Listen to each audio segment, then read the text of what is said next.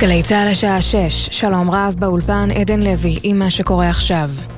גבר כבן 20 נפצע קשה מפגיעת רסיס ביפו, בירי האחרון למרכז לפני שעה קלה. שניים נוספים נפצעו בינוני וקל. מדווחת כתבתנו בתל אביב, אנה פינס. שלושה נפצעו מרסיסים סמוך לגינת ילדים ציבורית ביפו כתוצאה מהירי האחרון לגוש דן. צעיר כבן 20 נפצע באורח קשה, צוותי מגן דוד אדום פינו אותו לבית החולים וולפסון בחולון. מהזירה פונתה גם אישה כבת 43 במצב קל, ופצוע נוסף באורח בינוני שנפגע מרסיסים הגיע לבית החולים. נזק כבד נגרם למכוניות שחנו במקום, וכוחות משטרה וכבאות והצלה פועלים לסרוק את הזירה ולאתר סכנות נוספות. הציבור מתבקש שלא להגיע למקום עד כאן. צה"ל מודיע, הושלם כיבוש מחנה הפליטים שתי. כ-200 מחבלים חוסלו, רבים מהם במנהרות תת-קרקעיות. מדווח כתבנו הצבאי דורון קדוש. חטיבות הקומנדו, הנחל וגבעתי השלימו את כיבוש מחנה הפליטים שתי לאחר מספר ימי לחימה ממושכים. לפי הערכות, 150 עד 200 מחבלים חוסלו. במסגרת הלחימה צה"ל תקף והשמיד מתחם של 70 בתים עם מערכת תת-קרקעית ענפה תחתיהם. הבתים קרסו על המנהרות וההערכה היא שמחבלים רבים חוסלו שם. בצה"ל מדגישים כי יידרש עוד זמן עד להכרעת חמאס בצפון העיר עזה ופירוק החטיבה. שלב תיאור המרחב עוד יימשך מספר ימים, ומפקדי השטח הבכירים של צה"ל מתנגדים להפסקת אש. הובא למנוחות רב סמל ראשון במילואים רז אבולעפיה, לוחם בגדוד 6863, חטיבה 12, חטיבת הנגב, שנפל אתמול בקרב בצפון רצועת עזה. בן 27 בנופלו.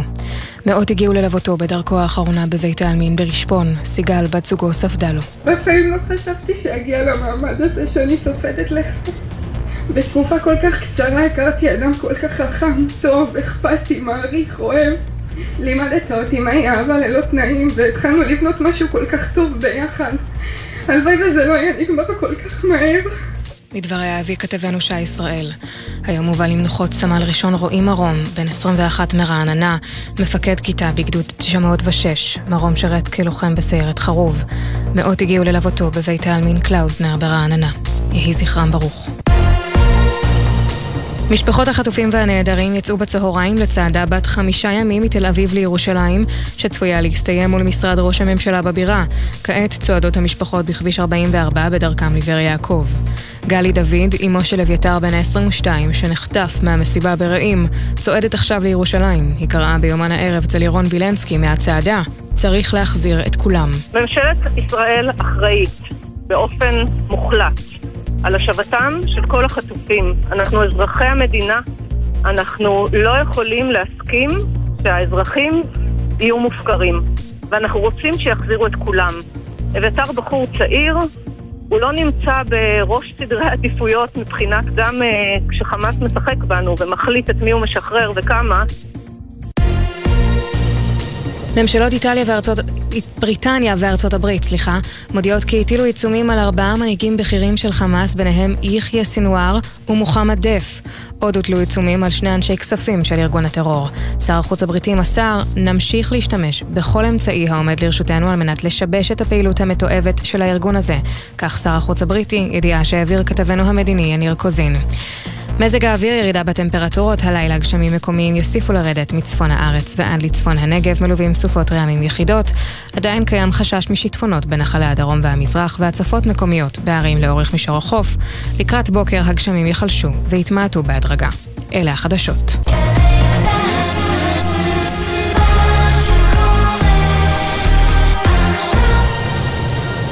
בחסות אוטודיפו, המציעה מצברים לרכב עד השעה תשע בערב בסניפי הרשת, כולל התקנה חינם. כי כדי להחליף מצבר, לא צריך להחליף לשעות עבודה יותר נוחות. אוטודיפו. ישראל במלחמה, עכשיו בגלי צה"ל, סמי פרץ, עם החזית הכלכלית.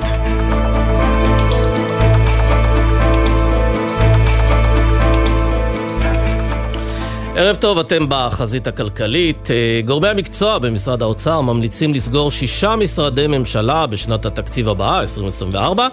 הם מדברים על משרד התפוצות, ירושלים והמסורת, המורשת, ההתיישבות והמשימות הלאומיות, והמשרד לשיתוף פעולה אזורי, והמשרד לשוויון חברתי. אם יורשה לנו, ואם היו מתייעצים איתנו, היינו ממליצים על עוד שניים, שלושה משרדים מיותרים, למשל, משרד המודיעין. המטרה של ה... ההמלצה הזו זה חיסכון כספי כדי לממן חלק מצורכי המלחמה המאוד מאוד גדולים וגם לאותת לשווקים שהממשלה מבינה שהיא צריכה להתייעל בתקופה כזו.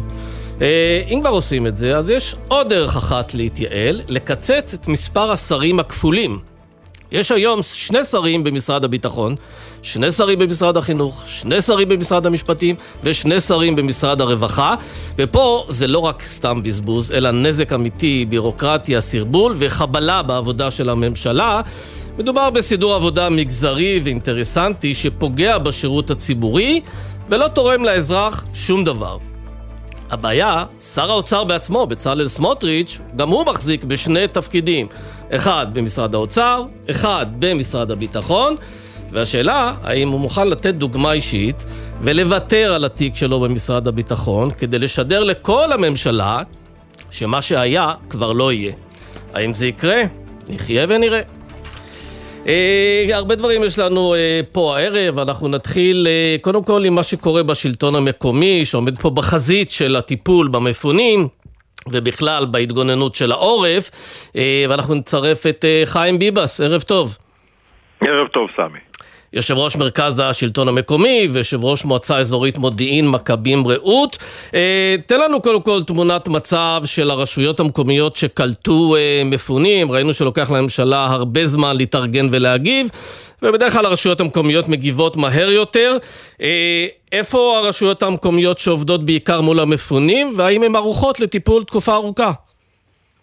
ראשית זה עיריית מודיעין מכבים רעות ולא מועצה אזורית, והדבר נכון. הנוסף, בסוף תראה, הרשויות הקולטות, אה, בסוף יש אה, הרבה מאוד רשויות. יש רשויות שהן יותר פורמליות, כמו דוגמה אילת, ים המלח, כמובן תל אביב, הרצליה, נתניה, אה, חיפה, יש ירושלים, יש רשויות שבהן יש מה שנקרא את הריכוזים של הבתי מלון אחרי הגדולים ביותר. לצד זה כמובן, קח את המועצות האזוריות, קיבוצים בעיקר, קח אפילו אצלי, ב- ב- ב- בעיר שלי, יש פה מאות uh, משפחות uh, והשתלבות של ילדים בתוך מערכת החינוך. בסוף צריך להבין דבר אחד. היום אנחנו נמצאים בשלב שבו בעצם שבועיים ראשונים, ואמרת את זה בצדק, uh, שבועיים ראשונים פשוט הממשלה לא הייתה באירוע. ואנחנו היינו שם מהרגע הראשון, כולל uh, משאבים שהבאנו, כולל כל מה שנדרש כדי להרים את הראש מעל המים.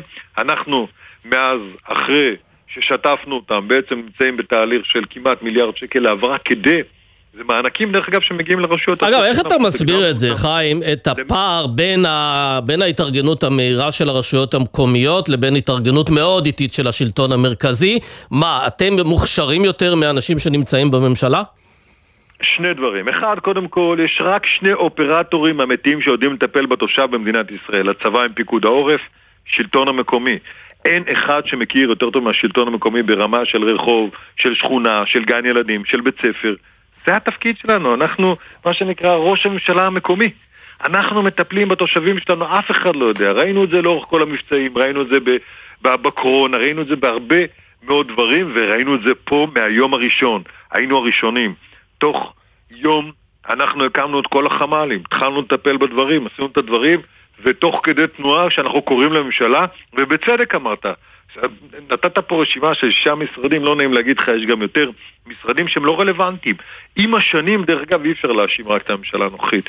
בש... ב- ב- ב- בכל הממשלות האחרונות, בכל הכנסות האחרונות והממשלות האחרונות, יצרו כל מיני יצורי כלאיים של משרדים שהם ברגע האמת הוכיחו שהם מיותרים לחלוטין. כן, אגב, אפשר להגיד שכל ממשלה רק מגבירה את זה, מוסיפה עוד כמה משרדים. זה נכון, נכון ופה זה באמת הגיע לשיא עם המון משרדים מופרכים.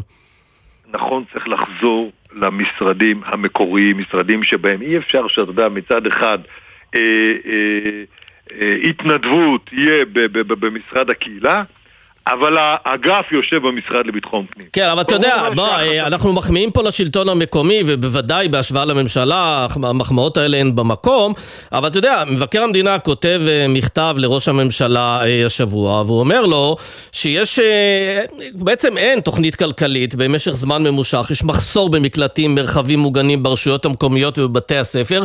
שאלה אם במקרה הזה תמיד האחריות זה רק על השלטון המרכזי ולא גם עליכם כשלטון מקומי? סמי, אנחנו, אנחנו הצגנו תוכנית למיגון הצפון. תוכנית שהצגתי אותה יחד עם ראש אה, מועצה אזורית מטה אשר, עם משה דוידוביץ', הצגנו אותה לממשלה, אמרו לנו מצוין. אה, אנחנו נשים עליה תקציב, בסופו של דבר שמו עליה 80 מיליון שקל. השלטון המקומי יודע להכין תוכניות, לבצע אותן. אם המדינה לא תממן זה בלתי אפשרי. בלתי אפשרי, הרי קח מוסדות חינוך, בסדר? שזה דרך אגב פרוגרמות שמייצרים במשרד החינוך. למה עדיין עובדים בשיטה הישנה, שהיא לא שיטה של 100% מהילדים? לך עכשיו שכל בתי הספר בארץ היו ממוקלטים עם ממ"דים באופן מלא. היית מחזיר את המערכת, שיש לנו אינטרס לזה, למה החזרת המערכת באופן מלא מחזירה את הכלכלה באופן מלא. ברור, היא עוזרת כמובן לשוק העבודה לתפקד. אנחנו, אנחנו, למרות זה שהם לא מביאים את כל מה שנדרש, עדיין מחזירים את הכלכלה ומייצרים. כרגע בעצם, רוב, אה, ברוב היישובים אנחנו רואים אה, מערכת חינוך שפועלת בצורה חלקית רק בגלל העניין של המרחבים הממוגנים, שאין מספיק? בחלק מהם, ובחלק גם בגלל אה, אה, תרחיש ההתגוננות של פיקוד העורף. אנחנו בתפיסת עולמנו, אומר, כל אימת שאנחנו יכולים להחזיר, ויש לנו את היכולת מבחינת תרחיש ההתגוננות להחזיר את המערכת, יש לנו אינטרס, כי זה מניע חזרת העיר, מניע חזרת הכלכלה ומייצר פה שגרת חירום. אנחנו לא יודעים כמה זמן זה ייקח, כן. שבועות, אולי חודשים. עכשיו, כך, כך דבר נוסף, שאנחנו נכנסים אליו, ונכנסנו אליו הרבה זמן. במשך אה, אה, אה, לא מעט שנים אמרו עלינו שאנחנו אה, אה, רק רשויות עשירות מייצרות סיירת ביטחון. היום ברור לכולם, סיירת ביטחון ושיטור עירוני צריך לפעול בכל עיר במדינת ישראל. וכן, לממן את זה דיפרנציאלית. זה עולה קצת יותר מחצי מיליארד שקל, אז 300 מיליון שקל האוצר יביא מהבית, עוד 200 מיליון אנחנו נביא ונייצר את זה. צריך לקחת את עוטף ישראל, לקחת את הצפון והדרום, שזה החוסן האמיתי של מדינת כן, אבל אתה יודע, יש פה עוד איזה עניין, הממשלה, ואני שומע לפעמים את שר האוצר מדבר שיש כסף, ופתחנו את הכיס, ופתחנו את הארנק, ואפילו אישרו 15 מיליארד שקלים, אבל עדיין יש איזה פער נורא גדול בין הרגע שבו הם מביעים נכונות ואומרים שפתחנו את הארנק, עד הרגע שהכסף מגיע למי שזקוק לו. אתה יודע להסביר את הפער הזה? לא, זה פער בירוקרטי שהוא קיים. הרי זה ההבדל בין שלטון מקומי לשלטון מרכזי. שלטון מקומי, כשהוא מחליט, זה עניין של שעות עד יום-יומיים שהכל יוצא החוצה. הממשלה, תחשוב שאני לפני שלושה שבועות ישבתי איתם אחרי צעקות אחרי הכל, סגרנו את כל הקופסת, מה שנקרא, הקדמת התקציבים והכל, לקח כמעט שלושה שבועות שהכסף יעבור. כי זה הממשלה. עכשיו, עוד דבר.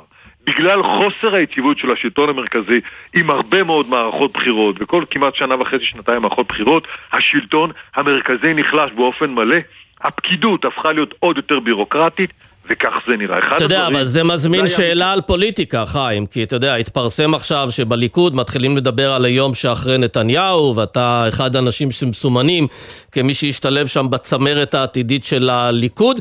אה, אתה עובד על העניין הזה כדי שלא נגיע למצב שבו כל שנה או שנה וחצי יש בחירות, כדי לייצר פה יציבות שלטונית שכנראה יכולה לקרות רק אחרי עידן נתניהו? סמי יקר, אני עסוק היום בדבר אחד. אנחנו עסוקים ולטפל בעורף באופן מלא, כדי לתת את השקט לחיילים שלנו, לכוחות הביטחון שנמצאים בחזית, לטפל באויב המר שלנו. אבל אתה יודע, בסביבת ראש הממשלה גם כן אה, עושים מהלכים, נערכים לוועדות חקירה, אוספים חומרים, פרוטוקולים. יום אחרי המלחמה, סמי, בסופו של דבר יש פה דבר אחד ברור. קודם כל, כל הכבוד, אחריות היא אחריות של כולם. המחדל הוא מחדל של כולם. אבל הדבר הכי בטוח שבסוף, בסופו של דבר, הציבור יחפש לבוא ולקבל את השקט שלו בממשלה שתהיה ממשלה של מקצוענים. אמרת את זה בעצמך. שאתה אתה, אתה מנהל משרד שהוא מיניסטריאלי באמת ומתעסק בעשייה אמיתית, אתה מתעסק בעשייה אמיתית. אתה מתחייב שאם אתה תגיע לשלטון המקומי, אתה לא תיקח, לשלטון המרכזי, סליחה, ויציע לך תפקיד של שר לענייני, אני לא יודע מה, מורשת או דברים מהסוג הזה, שאתה לא תיקח אותו, אתה תיקח רק תפקיד ביצועי? אני בכל אה, חיי, מה שנקרא, פוליטיים ומקצועיים, עסקתי רק בתפקידים שהם תפקידים מקצועיים לחלוטין. אתה יודע, יש רק שמונה תפקידים בממשלת ישראל שהם יותר מאשר מה שאני עושה היום, גם כראש עיר וגם כיושב ראש שלטון המקומי. ולכן, אה, להגיע למקום כזה ואחר ולא להיות בעשייה זה מיותר לחלוטין, עדיף להישאר איפה שאתה נמצא. אבל אנחנו היום עסוקים בדבר אחד, לטפל בעורף, לדאוג לחיילים שלנו, כולל החיילים האישיים, שישלימו את המשימה, ובכל מה שצריך לטפל ביום, שאחרי אנחנו נטפל, אבל דקה אחרי המלחמה. כן, עוד שאלה שקשורה לכיתות כוננות, שאנחנו רואים אותן בהרבה מאוד יישובים. די ברור שצריך הרבה אנשים שיעבדו בזה, די ברור גם שהצבא כנראה יגדל, כי תפיסת הביטחון פה באמת של אה, כוחות מדוללים סביב אה, עוטף עזה קרסה. אה, זה יחייב אנשים, דווקא שכנים שלך, נגיד עם מודיעין עילית. להתגייס לצבא או לעשות שירות אזרחי ולבוא ולקחת חלק בכיתות הכוננות. אתה רואה את הדבר הזה קורה? לחלוטין כן, אני חושב שכבר היום חלקם משתלבים. מתוך, מתוך רצון זה יקרה גם בעתיד, דרך אגב, גם במקומות שלהם. בסופו של דבר, הם יצטרכו לעבור את ההכשרה כדי, במודיעין אלה, יצטרכו להקים כיתת כהנות שלהם. הם לא יקבלו כיתת כהנות במקום אחר, ויצטרכו להכשיר אותה, ויצטרכו לעשות בשירות לאומי, ויצטרכו להתעסק בעוד לא מעט דברים שהתכלית שלהם גם, דרך אגב, יש עוד דבר. הרי אה, בסופו של דבר, העוגן המרכזי של החברה במדינת ישראל זה השלטון המקומי בתוך מה שנקרא הטיפול, זה חלק מהדברים שהם יצטרכו להתעסק בהם. כן, ממש לסיום, לא... האם תנצל את קשריך עם אה, ראש הממשלה ותפנה אליו כדי שבאמת אכן יסגרו את אותם משרדים ממשלתיים לא רלוונטיים שרק מגבירים פה בירוקרטיה ובזבוז? אני יכול לומר לך דבר אחד והוא ברור לחלוטין. את מה שיש לי אני אומר בצורה ישרה וישירה, בכל מקום. ללא ספק יש פה הרבה דברים שצריכים להשתנות, ואנחנו כמובן נעמוד עליהם שהם ישתנו, אבל קודם כל ניתן את השקט בעורף לחיילים שלנו בחזית להמשיך עד הסוף, כשיסתיים הכל, אנחנו בוודאי נדרוש פה ממשלה של מקצוענים עם עוגן אמיתי לתושבים, ובסופו של דבר אם רוצים לבנות ב- ב- ביחד את מדינת ישראל מחדש, צריך לעשות את זה כאשר כל הדברים האלה מתחברים יחדיו. טוב, אנחנו כבר מחכים לרגע הזה. חיים ביבס, יושב ראש מרכז השלטון המקומי וראש עיריית מודיעין מכבים רעות. תודה רבה לך. ערב טוב ותודה. אה, יש אה, גם חדשות טובות בימים האלה, אחרי ששער הדולר זינק קצת אחרי שפרצה המלחמה בעזה ל-4 שקלים ו-8 אגורות, הוא מתחיל לרדת ולרדת ולרדת, והיום הוא הגיע עד 3 שקלים ו-80 אגורות. זה די תעלומה, ואנחנו רוצים אה, ליישב אותה עם מודי שפריר, אסטרטג ראשי לשווקים פיננסיים בבנק הפועלים, ערב טוב. ערב טוב, תמי. זה באמת נראה כמו תעלומה, מה השוק יודע שאנחנו לא יודעים, בכל זאת יש פה מלחמה. אה, נכון, אז כמו שאמרת, דבר ראשון, אחרי שבחודש אוקטובר אה, השקל סיים כמטבע החלש ביותר בעולם, בין המטבעות המרכזיים, אז ההתחזקות של השקל מתחילת נובמבר אה, היא בעצם החדה ביותר מבין כלל המטבעות המרכזיים בעולם. השקל התחזק ב-6.5% כנגד הדולר, כ-4% כנגד האירו מתחילת נובמבר. מה בעצם הוביל, מה הסיבות לכך? אז יש דבר ראשון סיבה חיצונית שלא קשורה אלינו, זו העובדה שהמדדים, מדדי המניות בארצות הברית עלו בצורה מאוד חדה, נאסד"ק עלה מתחילת החודש במעל 9% אה, והדבר הזה לכשעצמו מוביל להתחזקות של השקל, אז זה משהו שהוא מאוד משמעותי. דרך אגב, היום... למה העלייה של נסדק מחזקת את השקל? תסביר לנו איך זה עובד. אוקיי, אז בגדול ברגע שהנסדק עולה וגופים מוסדיים פה בארץ מחזיקים דולרים, אז אוטומטית החשיפה הדולרית שלהם עולה בתיקים המוסדיים ולכן לרוב מה שקורה בתהליך כזה, הגופים המוסדיים באים ומוכרים דולרים כדי להקטין מחדש את החשיפה הדולרית בהנחה והם לא רוצים להגדיל אותה עוד יותר והגופים המוסדיים הגדילו משמעותית את החשיפה המתחת שלהם מתחילת השנה. אה, ולהפך דרך אגב, כשהנסדק יורד אז רוצים להגדיל מחזרה את החשיפה המתחת כי החשיפה יורדת ולכן באים וקונים אה, דולרים היום זו דוגמה קלאסית לזה, פורסם אה, מדד המחירים לצרכן בארצות הברית. שהאינפלציה נמוכה מהתחזית, כן. נכון, היה יותר נמוך מהציפיות. הדבר הזה הוביל במיידית לעלייה חדה מאוד במדדי המניות בארצות הברית, ובין להיחלשות של הדולר בעולם, וגם להתחזקות של השקל משמעותית פה, כמו שאמרת, כנגד הדולר עד הרמה של 3.80. כן, אבל יש אה, דבר נוסף, אנחנו רוצים להזכיר שיממה אחרי, ש... אה, אחרי הטבח בעוטף עזה, כשכבר היה ברור שאנחנו הולכים פה למהלך אה, מלחמתי ארוך וממושך, בנק ישראל אה, החליט שהוא מתערב ושהוא מתחיל למכור דולרים בשוק כדי למנוע קריסה של השקל. הוא כבר הודיע שהוא מכר באוקטובר, נדמה לי, 7 מיליארד דולר. אה, אולי זה מה שעשה את העבודה והחליש את הדולר בחזרה? כן, אז כמו שאמרתי, יש מספר סיבות. הסיבה הראשונה זה המדדים בחו"ל, עליית המדדי המניות בחו"ל. סיבה שנייה זה באמת, כמו שציינת, הפעולה מאוד אפקטיבית ומאוד נכונה, דרך אגב, של בנק ישראל, אה, גם נכונה וגם בזמן, שהוא בא ומכר מעל 8 מיליארד דולר בחודש אוקטובר. אה, הדבר הזה בחודש אוקטובר בא ובעצם מיתן בצורה משמעותית את העלייה, השקל פוחת עד לרמה של 4.08 כנגד הדולר, ובנק ישראל בא כל הזמן ובעצם מיתן את העלייה, מיתן את התנודתיות. מתחילת נובמבר הוא פחות מחר, אבל כן, אין ספק שיש לזה בהחלט השפעה. כן, אז מודי, יש... בוא רק נגיד איך זה משפיע על הכיס שלנו. אנחנו אומנם לא נוסעים לחו"ל אה, יותר מדי בתקופות כאלה, רוב הישראלים תקועים פה. אה, גם לא יודע אם יש למישהו מצב רוח כל כך לנסוע לחו"ל, אה, אבל מבחינת מוצרי היבוא, ברגע שהשקל הוא סביב 3.8, זה אומר שאנחנו לא נראה עליות מחירים, מה שבוודאות היינו רואים כשהשער היה 4 שקלים ומעלה? אז כן, זה בהחלט ברגע שאנחנו מייבאים אה, המון מחו"ל, הרבה מאוד מוצרים מחו"ל, החל ממזון וכלה ברכבים או כל דבר אחר, אז כמובן שברגע שהשקל מתחזק, אז הדבר הזה בעצם זה לחצים דיס-אינפלציוניים, זה פחות תומך בהעלאות מחירים מצד אותם יבואנים, וברמתנו כצרכנים זה בטח דבר מעודד, זה בטח דבר טוב. כן, ודבר אה, נוסף לסיום בעניין הזה, אם היו חששות שבנק ישראל יעלה ריבית, די ברור שעכשיו כשהשקל מתחזק, זה לא יקרה? אז כן, הוא לא יעלה ריבית כרגע, השאלה כרגע אם הוא יוריד ריבית, אה, הוא יוריד ריבית מתישהו, השאלה אם הוא יוריד ריבית בסוף נובמבר בהחלטה הקרובה. השוק מתמחר לזה עכשיו הסתברות של 30 אחוז, ככל שהשקל יתחזק יותר אז ככה ההסתברות תגדל. וכמובן תלוי אה, במדד המחירים לצרכן שאמור להתפרסם, כן. נכון. אה, יפה, טוב, אנחנו כמובן נמשיך לעקוב גם באמצעותך. מודי שפריר, תודה רבה. תודה לכם. ונמצא איתנו ישראל פישר, כתבנו לענייני כלכלה, ערב טוב. ערב טוב, סמי, מה שלומך? אה, נשמע סביר, אבל אה, לפי הדוח של אה, חברת הדירוג S&P והתחזית היחסית די קודרת שלהם להתכווצות של הכלכלה הישראלית, קצת פחות סביר, אז הם מפרסמים אתמול בלילה, זה לא בדיוק הורדת דירוג, זה לא הורדת דירוג, זה, זה מין תחזית כזו. זה לא הורדת דירוג, אבל זה עוד נורת אזהרה נוספת, אחרי שהם הורידו את uh, תחזית... אז uh, מה הם אומרים בעצם? שבועיים.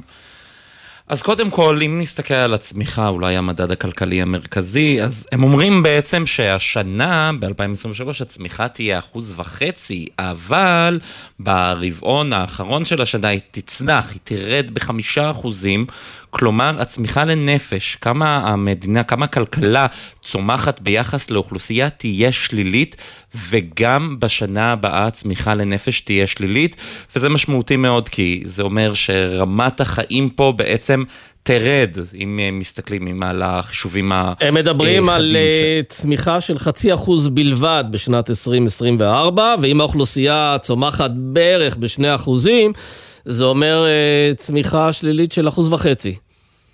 נכון, צמיחה שלילית של אחוז וחצי לנפש. לנפש, וזה כן. באמת, uh, כן, כן, וזה באמת uh, משהו מאוד משמעותי לכלכלה, אבל מה שעוד אותי עניין באופן אישי זה להסתכל על המחמאות וה...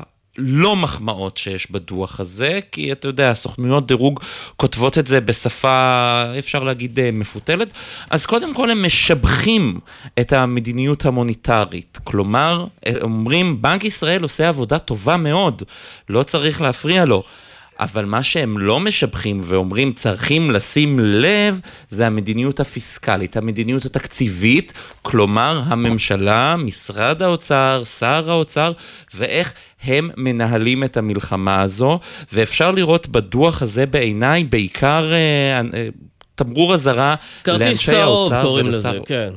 כרטיס צהוב בדיוק למשרד האוצר, שימו לב, אתם אומרים שאתם מנהלים מדיניות אחראית, אבל אנחנו לא בטוחים שאתם עושים את זה. תרשה לי לפרש קצת את ה, מה שכתוב בין השורות uh, בדוח הזה, וזה בדיוק העניין המשמעותי ביותר כיום לכלכלה הישראלית. הרי ברור שאחרי שתיגמר המלחמה, יהיו כל מיני ניסיונות לשקם את הכלכלה, תהיה ועדת חקירה ממלכתית שבעיניי צריכה לחקור גם את התנהלות התנהלות האוצר והתנהלות המשרדים האזרחיים במדינה, בטח בימים שאחרי פרוץ המלחמה וגם על המוכנות שלהם, אבל עכשיו אנחנו רואים את כל האזהרות האלה שהן מצטברות, כן. עוד ועוד ועוד אזהרות, והשאלה היא...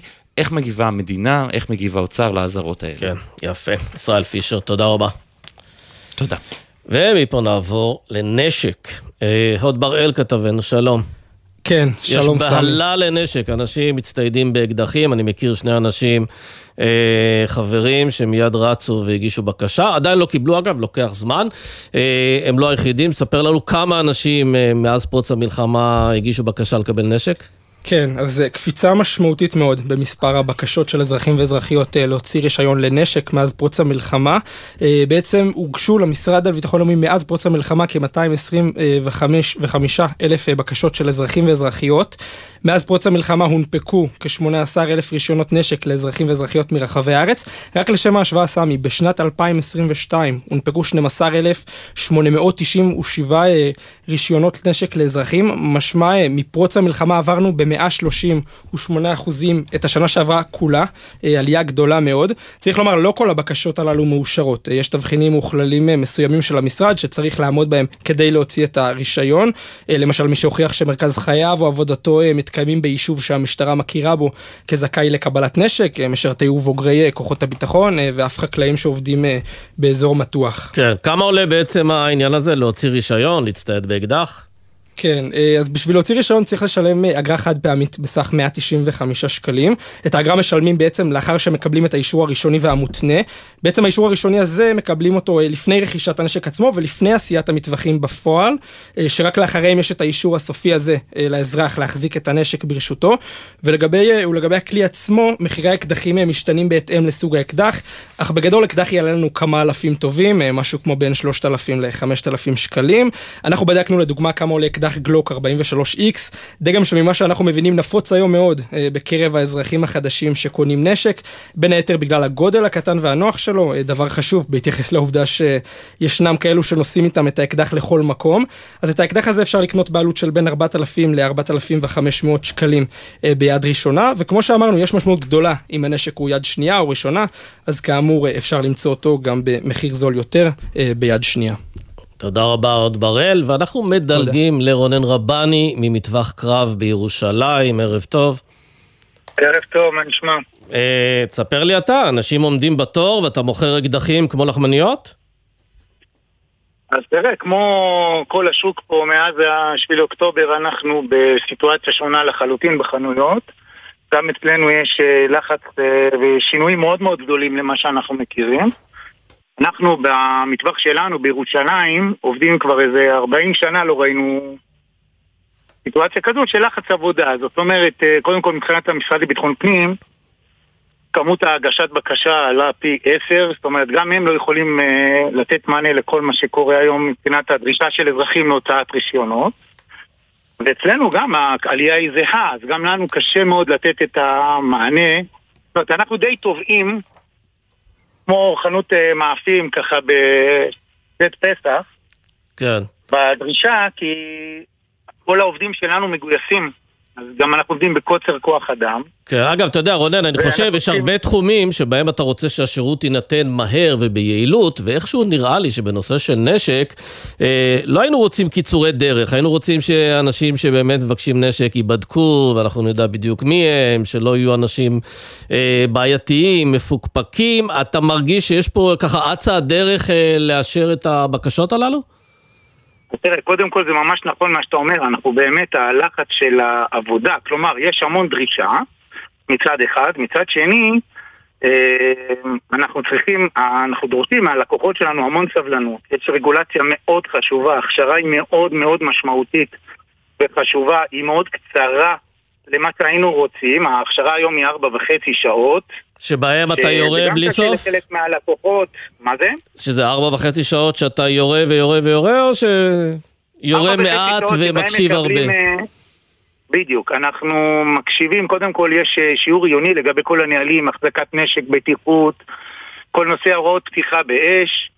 אה, מקבלים את uh, הכרת הנשק, מתרגלים ביבש עם האקדח, עושים אימון של אחיזה בסיסית, עמידה, תפעול מעצורים, הכרת uh, תפעול בסיסי ובטיחות משמעותית באקדח, פריקה, בדיקה. וירי, כל אזרח יורה 50 כדור, בעבר זה היה, 100 כדור, סליחה, בעבר זה היה 50, היום יורים 100 כדור כל... מוציא רישיון, בעבר השיעור היה שעתיים רק, היום זה ארבע וחצי שעות. כן, רונן, תספר לנו איזה... מאוד... איזה סוג של אנשים מגיעים להצטייד בנשק? צעירים, מבוגרים, נשים, גברים, אנשים שגרים באזורים יותר רגישים?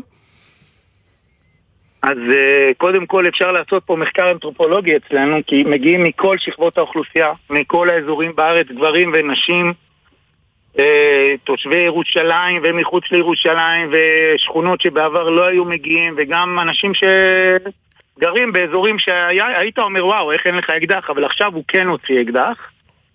בגלל המצב, אז זה דרבן את כולם, כל מי שיכול היום אה, מבקש לעצמו רישיון. תראה, לא כל הבקשות יאושרו, גם לא כל האנשים עוברים את ההכשרה, יש אה, מינימום אה, גם מבחן וגם אה, מינימום תרגול טכני במטווח שהוא צריך לעבור מבחן בסיסי, הוא לא קשה, אבל יש כאלה שלא עוברים וצריכים לעשות אותו אימון נוסף או שלא עוברים. למה לא עוברים? כי מה, הם לא פוגעים במטרה? מפספסים בגדול? א', יכול להיות או פגיעות שצריך לשפר, או בטיחות, או בכלל הכרת הנשק, למי שקצת קשה לו. אבל באופן כללי אנחנו רואים שהאוכלוסייה היא מאוד חזקה, מאוד טובה, מאוד יודעת ללמוד להשתמש באקדחים. כן, ולרוב מי שעבר דרך איזה יחידה קרבית בצה"ל, מקבל את זה הרבה יותר מהר מאחרים שלא עברו דרך היחידות הללו? אה, מקבל את מה? אתה מתכוון את הרישיון? את הרישיון, כן, כן, כן, את הרישיון, הוא עובר בכלל את המבחנים. המשרד לביטחון פנים, המשרד לביטחון פנים מטפל בעיקר בלוחמים בצורה יותר קצרה, יש להם הרבה יותר הקלות בתהליך, מאחר והם נשאו נשק בעבר. אבל ההקלה היחידה שלהם לדעתי זה הראיון הוא, הוא טלפוני ולא פרונטלי. Uh, היתר עוברים בדיקה אולי קצת יותר מקיפה, אבל באופן כללי הבדיקה העיקרית מעבר למשרד לביטחון פנים בודקים אותם המשטרה ומשרד הבריאות. אז אלה הבדיקות שעוברים uh, אזרחים שנוסעים. כן, בעיקרון תוך כמה זמן מהרגע שאני מגיש בקשה עד שאני מקבל uh, נשק, כמה זמן זה לוקח? אנחנו מכירים מקרים של שבועות וגם חודשים. זה מאוד תלוי ב... צורת הגשת הבקשה שלך, אם אכן הזנת את הכל, את אישור הרופא, את ההסמכה הצבאית שלך, יש כל מיני מסמכים שאני צריך לסרוק בתהליך בקשה, שלפעמים מפקשש לחלק מהאנשים, ואז זה מעכב להם את הבקשה, אבל היתר בדרך כלל נגישים מאוד יפה. כן. אוקיי, רונן רבני, תודה רבה לך. תודה רבה לכם, שיהיה לנו רק חדשות בשורות טובות לכולם. בהחלט. אנחנו ננסה להפסקה אה, קצרה, ואחרי זה נחזור גם עם דיווחים מזירת הנפילה פה ביפו, על הפגנה בארצות הברית, וכל המתווה שעובדים עליו בקיבוצים, חזרה הביתה בעוטף, כבר חוזרים. אתם מאזינים לגלי צה"ל. אוניברסיטת בר אילן הקימה למען הקהל הרחב קו חם לתמיכה רגשית. פסיכולוגים ועובדים סוציאליים כאן בשבילכם. חפשו בגוגל הקו החם בר אילן. עם ישראל, הביטוח הלאומי הוא מגן הזכויות שלכם, ואנחנו כאן בשבילכם גם כדי להגן על הנפש. אם אתם חשים חרדה או מצוקה נפשית שמקשה עליכם בתפקוד היומיומי, הביטוח הלאומי מממן לכם טיפולים אישיים, זוגיים או משפחתיים, עם מטפלים מומחים ובלי בירוקרטיה. כל מה שצריך לעשות הוא לפנות אל מרכזי החוסן והמרפאות המטפלות ולקבל את הסיוע שאתם זקוקים לו. הביטוח הלאומי מחבק אתכם ועומד לצדכם גם ברגעים האלה. לפרטים נוספים ייכנסו לאתר הביטוח הלאומי. בימים כאלה אין דבר יותר מרגיע מקולה של אימא. גלי צה"ל מחבקת את האימהות במתכונת מיוחדת של קולה של אימא. כמו אהבה. הערב בשבע, בשידור מיוחד מירושלים עם האימהות לחיילים המפונות מביתן בשלומי. גלי צה"ל פה איתכם, כל מקום, כל הזמן. עכשיו בגלי צה"ל, סמי פרץ עם החזית הכלכלית. אז ממש כשהכנו את השידור הזה, הייתה פה אזעקה ביפו, וירדנו למרחב המוגן, ומסתבר שהיו פה נפילות של כמה רסיסים. טל אור מאירסון כתבתנו, אה, מדברת איתנו מזירת הנפילה, שלום טל אור.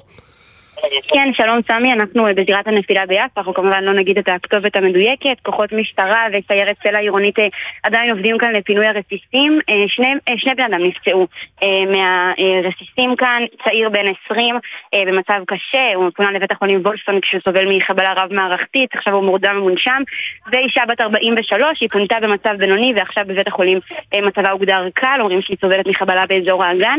עוברי אורח פה מספרים שהצעיר היה באמצע להתפלל, בדיוק קרה על הקרקע, הם אמרו לו בוא למרחב המוגן, יש אזעקה, הוא רצה להמשיך להתפלל ולכן אה, נפצע מהרסיסים, אנחנו נזכיר, הזדמנות להזכיר שצריך תמיד להיכנס למרחב המוגן בזמן אזעקה. התושבים פה מאוד מבוהלים, יש פה בית שספג גם פגיעות מרסיסים, קיר שנחרב ורסיסים של חלונות שנכנסו פנימה ויצטרכו כמובן לבנות, לשקם אותו. שני פצועים, בית עם פגיעות מרסיסים, זה מה שיש כאן בינתיים. כן, תודה רבה, טלור מאירסון. אה, נדלג מיפו לארצות הברית. דרורה פרל, שליחתנו בוושינגטון, נמצאת כרגע בעצרת התמיכה, עצרת סולידריות למען ישראל. ערב טוב, דרורה. ערב טוב, סמי. ספרי לנו על העצרת הזו. מי ומי במארגנים ובצועדים? עדיין, קודם כל בואו נציין שזה לא לא צעדה, בגלל שיקולי ביטחון והאירוע כולו הוגדר כאירוע ביטחוני ברמה אחת, מספר אחת, זה הדירוג הכי גבוה שאפשר, חוששים כאן מכל אה, מיני בעיות שיכולות להיות על רקע גל האנטישמיות והכל, נקבע שזאת תהיה עצרת. זאת עצרת שהוגדרה במתחם שנסגר בגדרות ביטחון כבר אתמול, אה, שהוא במרכז וושינגטון במרכז הבירה מול הקפיט, בניין הקפיטול, זה נקרא המו"ל הלאומי, רוב האנשים מכירים את המו"ל כן, המפורסם. כן, איפה שכל המוזיאונים והמדשאות הגדולות, כן. בדיוק, והיום הגיעו לשם אפילו משאיות מזון של אוכל כשר שהוכן אה, כמות עצומה של מספר עצום של אנשים. המארגנים מקווים שזה יגיע עד למאה אלף אנשים. אה, זאת הבקשה שהגישו ברישיון למשטרת וושינגטון. אה, ומתחילים כבר לזרום אנשים? זורמים כבר אנשים, עדיין הייתי אומרת, אה, אה, זורמים בטפטוף, עדיין לא המונים. העצרת עצמה מתחילה רק בעוד כשעה וחצי, אבל עכשיו אמורים להתחיל אה, להופיע אה, ידוענים, מפורסמים, אה, באירוע מיוחד, תוכנית מיוחדת שהוכנה אה, לכבוד הסטודנטים, שהוזמנו להגיע יותר מוקדם, ואכן באמת רואים שבעיקר אנשים צעירים מגיעים בינתיים. אה, בין היתר אמורים להופיע גם אה, אה, עומר אדם וישי ריבו, והרבה ממה ששומעים עכשיו באוויר זה באמת מוזיקה ושירים עבריים, שירים בעברית, זאת אומרת אווירה מאוד ישראלית, יגיעו גם הרבה נציגים רשמיים של, של ארגון הפדרציות אה, אה, בארצות הברית והוועידת הנשיאים של הארגונים המרכזיים. שבעצם זה לא. רק, אה, זה לא רק סולידריות, זה גם קריאה לשחרור החטופים, זה המסר המרכזי של העצרת, אני מניח. יש שלושה מסרים מרכזיים הם הגדירו. קודם כל סולידריות כן, עם ישראל ועם הערבים. כן, רק שנייה, רק נעדכן רגע, דרורה, שיש אזעקות צבע אדום בנירים ובעין השלושה. כן, תמשיכי. כן, ודרישה לשחרור מיידי של כל החטופים בעזה, ומאבק נחוש נגד האנטישמיות. אה, ינאמו גם הנשיא אה, הרצוג, שיופיע בשידור וידאו, אה, יגיע גם מנהיג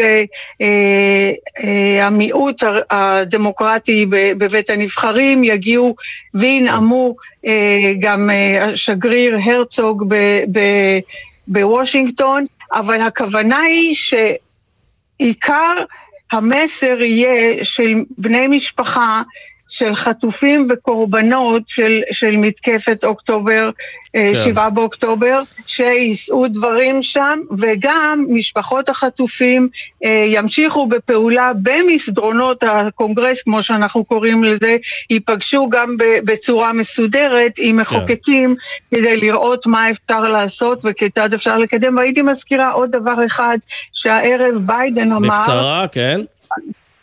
הוא, הוא מקווה, אולי מצפה, שאכן אה, יהיה איזשהו הסדר לשחרור חטופים, הוא לא דיבר על ברור. החטופים, אבל יכול להיות שיש כאן איזשהו סימן של נחכה, תקווה. אז נחכה באמת שיהיה גם בשורה גם משם. דרורה פרל, תודה רבה לך.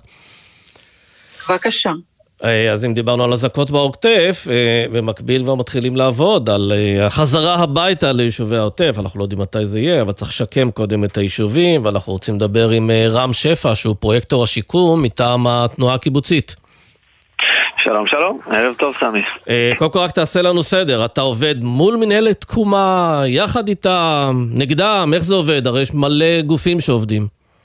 לא, אני עובד עם ומול מנהלת תקומה, יש לנו את אותה מטרה, לעשות עכשיו כל מה שאפשר כדי שבדרך הנכונה ובאופן שבו הקהילות מהעוטף ירצו, הם יוכלו בזמן שיהיה אפשר לחזור לעוטף בצורה מיטבית ולהפוך את המקום הזה לאפילו יפה ומשגשג יותר מעבר למה שהוא היה בשישה באוקטובר. כן, אבל במה, במה בעצם אתה מטפל? אבל... אתה מטפל גם במפונים, גם בהמשכיות של המפעלים, שימור החקלאות שם, וגם בבנייה מחדש של הבתים שנחרבו ונפגעו?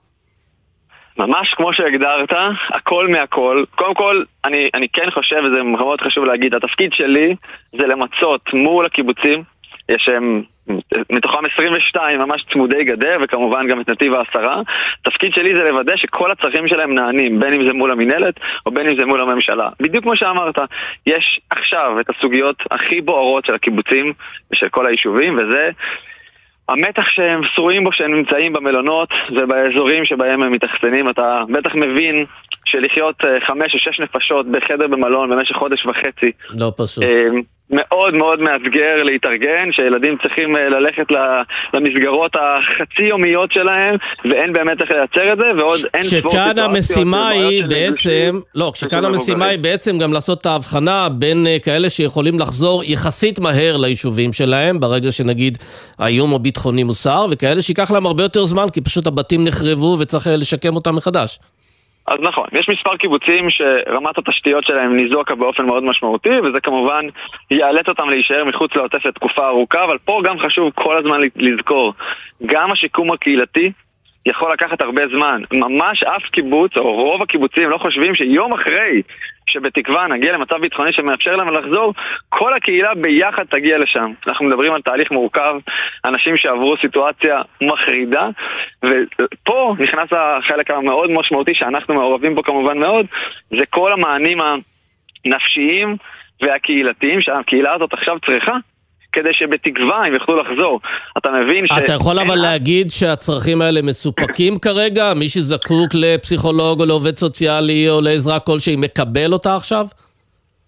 אני חושב שהוא מקבל אותה, לצערי הרב אין רצף טיפולי מיטבי, כלומר הרבה מאוד אה, מענים אה, פסיכולוגיים מטפלים התחלפו בחודש האחרון כי זה עבר בין גורמים והמדינה ברגעים הראשונים לא ידעה איך להתנהל בשום צורה, תכף נדבר על המינהלת, וזה יצר מצב שבגלל שגופי ההתנדבות הם אלה שנתנו את המענים הנפשיים, עכשיו עד שהמדינה התחילה לקחת על זה אחריות, משרד הבריאות ועכשיו הקופות אז באופן טבעי זה ממש לא נתן מענה כמו שהיינו רוצים וכמו שהיינו מדמיינים אבל זה לא רק זה, סתם אני אתן לך עוד דוגמה משמעותית שרבים לא חושבים עליה.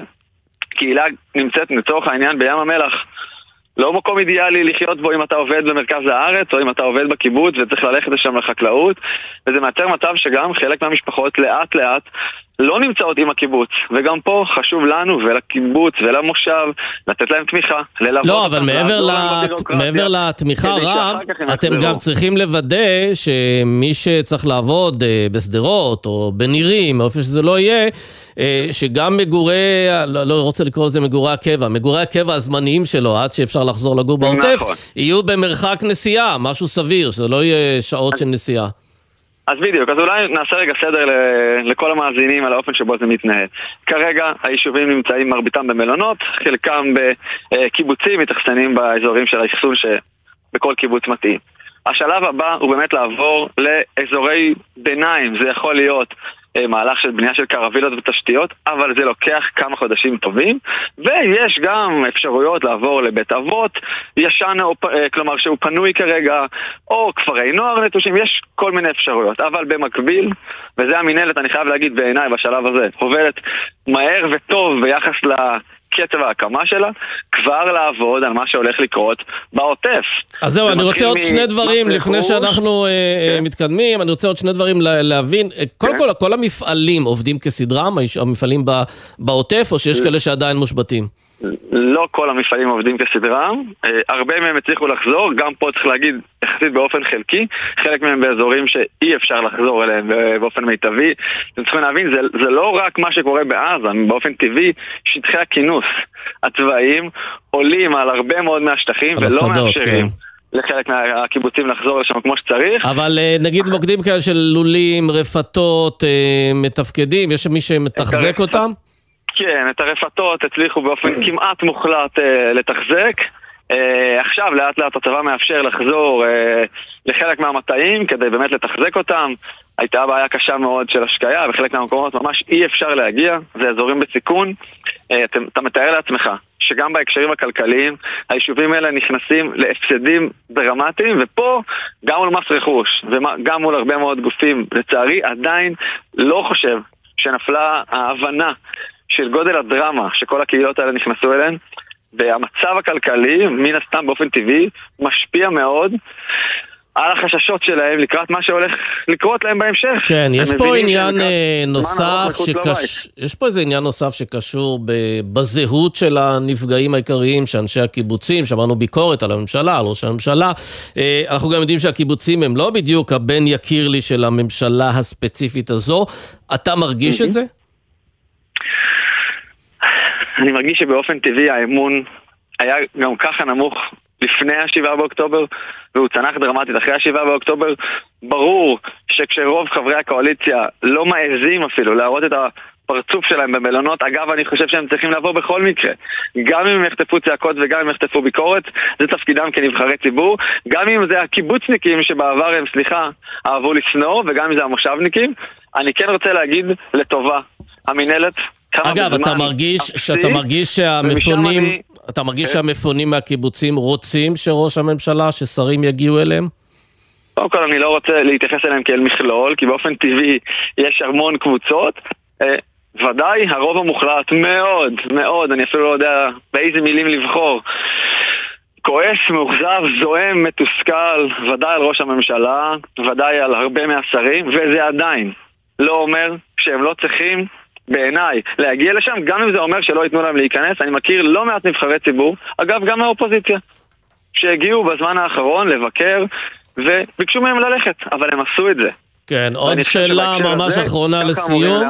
אה, אה, סיפר לי מישהו שחקר את הפינוי מגוש קטיף בהקשר אחר, ששם הם בדקו אנשים שפונו ליישובים, יישובים עם בתי קרקע, לעומת אה, יישוב, כפר דרום נדמה לי, שפונה לבניינים באשקלון, והם ראו שמי שפונה לבניינים, אה, ההרכב, המרקם הקהילתי שם נפגע. הם לא היו רגילים לחיות בבניינים. אתם בפינוי עכשיו אה, לוקחים בחשבון את השאלה הזאת של איך משמרים קהילות, גם בהקשר של, של איך הן גרות, האם בבניינים, האם לא, לא בבתי לא קרקע? לא רק, ש... לא רק שאנחנו לוקחים את זה בחשבון, ודאי כל אחת מהקהילות, זו אולי השאלה הדרמטית ביותר עבורם, איך אנחנו משמרים את החוסן הקהילתי שלנו, כדי שכל מי שיבחר בכך יוכל לחזור, וכן אני אגיד, הרבה מאוד מהאנשים שהובילו את תהליכי ההתנתקות, אנחנו בשיח איתם, מנסים ללמוד מהמסקנות שלהם, מנסים להבין מהטעויות, אגב, גם מהשוואות בינלאומיות, צריך לומר, וזה ברור לכולם, הבדל דרמטי, שבהתנתקות לא חזרו למקום שממנו יצאו, ואפשר היה לנסות כן. לפחות כן. לייצר מקומות קבע. כן. פה אנחנו מדברים על... זה גם אירוע אחר ושונה באופי שלו. מידה, כן. אנחנו באירוע אחר, אבל ודאי כל מסקנה שאנחנו יכולים להפסיק, כן. אנחנו עושים הכל. יופי. אירוע מאוד קשה, אבל אנשים גיבורים ואמיצים, ואני חושב שלאט לאט... מצליחים uh, לעמוד על הרגליים. רם שפע, תודה רבה, ושיעמדו כמה שיותר מהר על הרגליים. תודה רבה.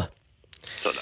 אה, נדלג חזרה לעוטף, לשדרות. אה, אנחנו רוצים לדבר עם חגי שטדלר, שהוא יושב ראש מפעל טופ גם בשדרות. שלום. היי, שלום. מה עושה המפעל? אה, סוכריות גומי לתוספי מזון. מוכרים בכל העולם. תוספי מזון שאנשים צורכים בצורה יומית, בצורה של סוכריות גומי. בכל מיני צורות, גם ללא סוכר, גם אורגני, גם עם פורמולציות ייחודיות. אתה רומז שזה סוכריות, בריאות, סוכריות בריאות? זה לא סתם פצצת סוכר? זה, זה שלא ניסית זה תקלה, אתה יודע, אתה... כן. אה, אבל כן, אם אתה לא יודע מה, לא יודע מה הצרכים שלך, אבל לצורך העניין מגנזיום, אה, ברזל, אומגה שלו, כל מיני דברים שאתה יודע שאנשים היום צורכים, אתה יכול לקבל את זה בצורה שאתה גם אה, נהנה מהם. ולא רק אה, לוקח את הכדור ונזכר במחלה, כי תכלס מי שאתה כן. עושה מזון... צריך גם ליהנות מהחיים, ברור, כן. אבל תגיד לי, כן. מאז השביעי באוקטובר הצלחתם להפעיל את המפעל בצורה סדירה? אז ההתחלה הייתה קשה, אה, כמו בכל עם ישראל, גם אנחנו היינו צריכים אה, ככה שנייה לעצור, גם היה בלתי אפשרי להגיע למפעל. שבוע אחרי זה, אני חושב שאנחנו היינו המפעל הראשון ש, שנפתח. אמ, עד היום אנחנו כבר אה, עובדים בצורה רציפה, אה, משמרת אחת, אני חושב להגיד ש... אני חושב שהעובדים פה אה, פשוט, אני מלא הערכה לעובדים ולמנהלים של, של החברה שממש תחת אש בהרבה מקרים.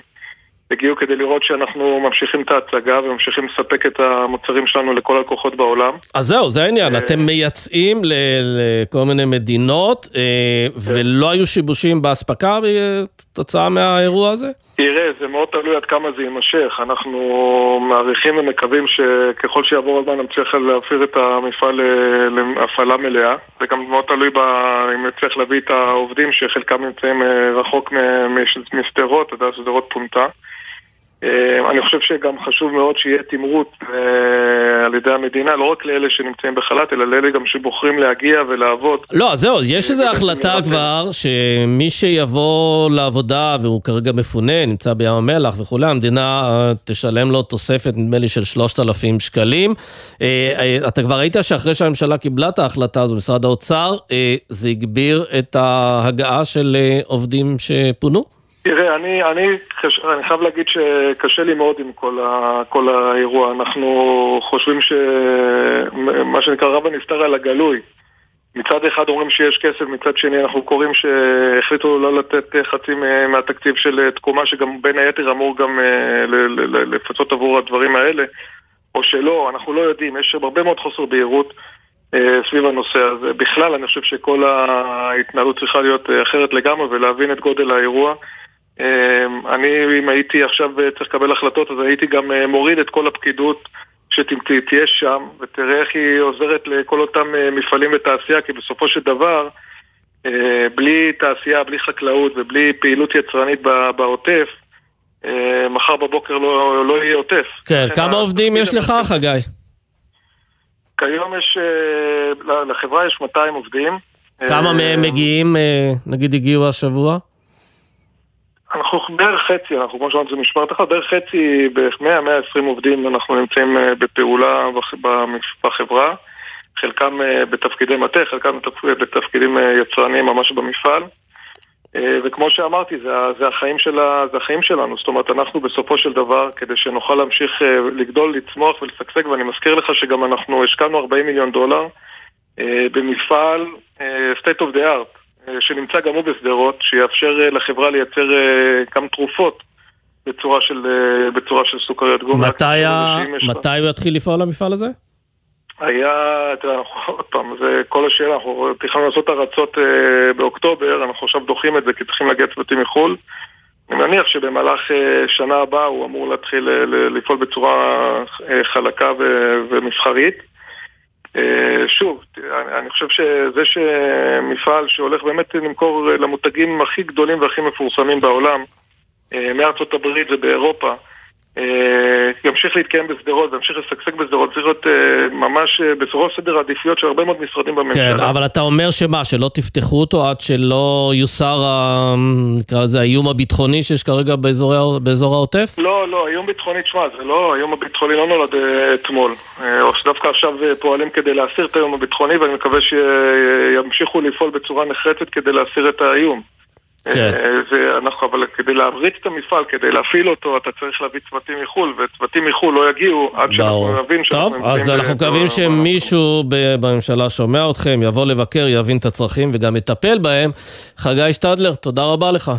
תודה לך ולהתראות. להתראות, ואנחנו עוד עדיין בענייני עסקים קצת יותר קטנים, עם יפעת אה, בן שושן. ערב טוב.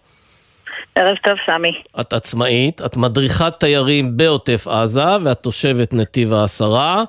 נשמע לי שאחרי נכון. הצגה כזו, אה, כבר ברור אנחנו בימים מאוד... עליי לחשב מסלול מחדש. אה, כן, אה, לא, אבל, אבל לפני כן, את יודעת מה, עוד לפני המצב הקיים, אה, תסבירי לי מה זה אומר לעסוק בתיירות בעוטף עזה. את ממש הבאת תיירים והסתובבת איתם ביישובי העוטף?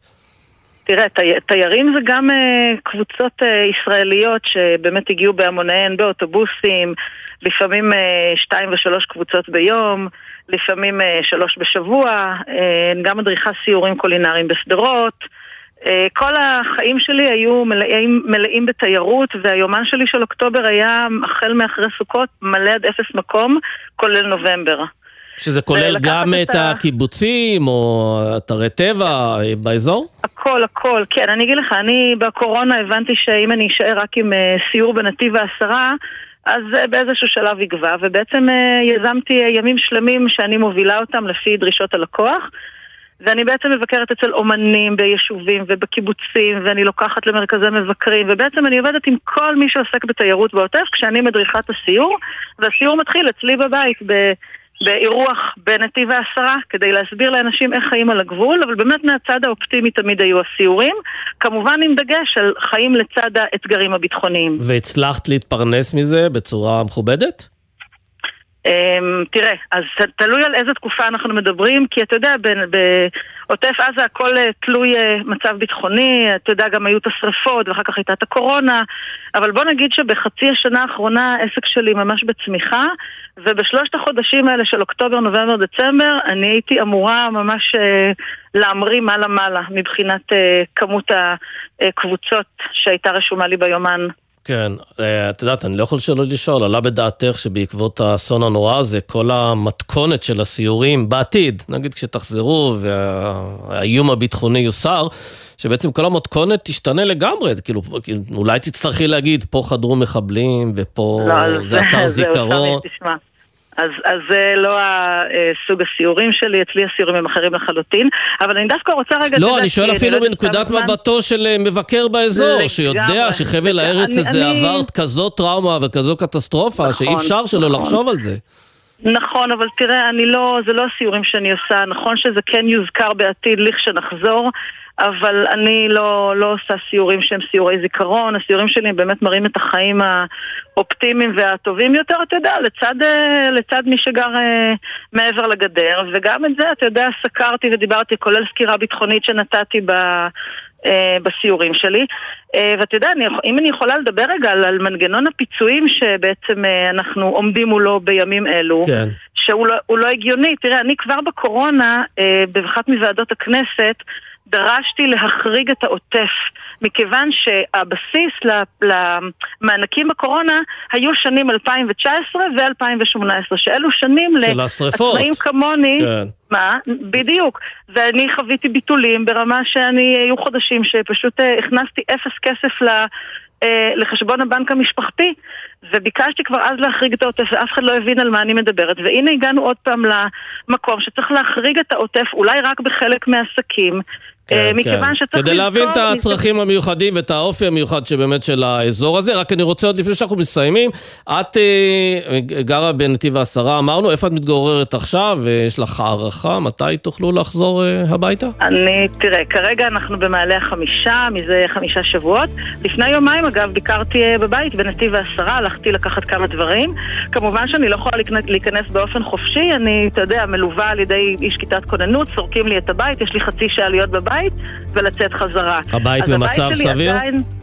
אצלי כן, לשמחתי, יופי. אה, אבל יש בתים שלא, יש בתים שנפגעו, יש בתים שנשרפו, אה, כן, ברור. ואני אומרת שוב, צריך, צריך לדבר על החרגת העסקים כן, בעוטף עזה מכל מנגנון פיצוי. בהחלט, עם המסר הזה אנחנו חייבים לסיים, אז אנחנו מעבירים את המסר, לדבר על החרגה. יפעת בן שושן, תודה רבה לך.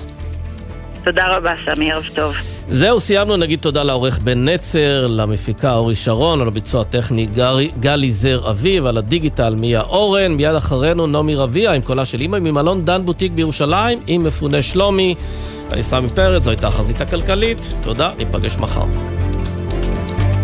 בחסות אוטודיפו, המציעה מצברים לרכב עד השעה תשע בערב בסניפי הרשת, כולל התקנה חינם. כי אין סיבה לשרוף את שישי במוסך. אוטודיפו. אתם מאזינים לגלי צה"ל.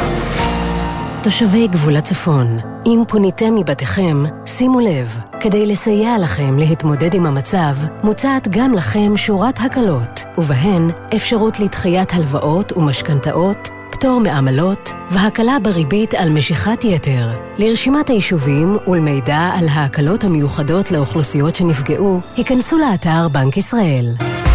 עמיתי קרנות השוטרים, אנו מציעים לכם הנחות לרכישת רכבי פג'ו, אופל, סיטרואן ו-MG דגמי 2023, לפרטים כוכבית 4989, או באתר קרנות השוטרים, שנדע ימים טובים ויחד ננצח. קרנות השוטרים קודם כל קיבלתם התראה על ירי רקטות וטילים בזמן נסיעה בתחבורה ציבורית? בקבלת התראה ברכבת או באוטובוס בדרך בין-עירונית, מתכופפים מתחת לקו החלונות ומגינים על הראש באמצעות הידיים למשך עשר דקות. אם נוסעים באוטובוס בתוך העיר, ואפשר להגיע למבנה סמוך בזמן, יורדים מהאוטובוס בזהירות ותופסים מחסה במבנה. אם אין אפשרות להיכנס למבנה בזמן העומד לרשותנו, נשארים בתוך האוטובוס, מתכופפים מתחת לקו החלונות ומגינים על הראש באמצעות הידיים. עוד פרטים באתרים של פיקוד העורף, הרלב"ד ומשרד התחבורה.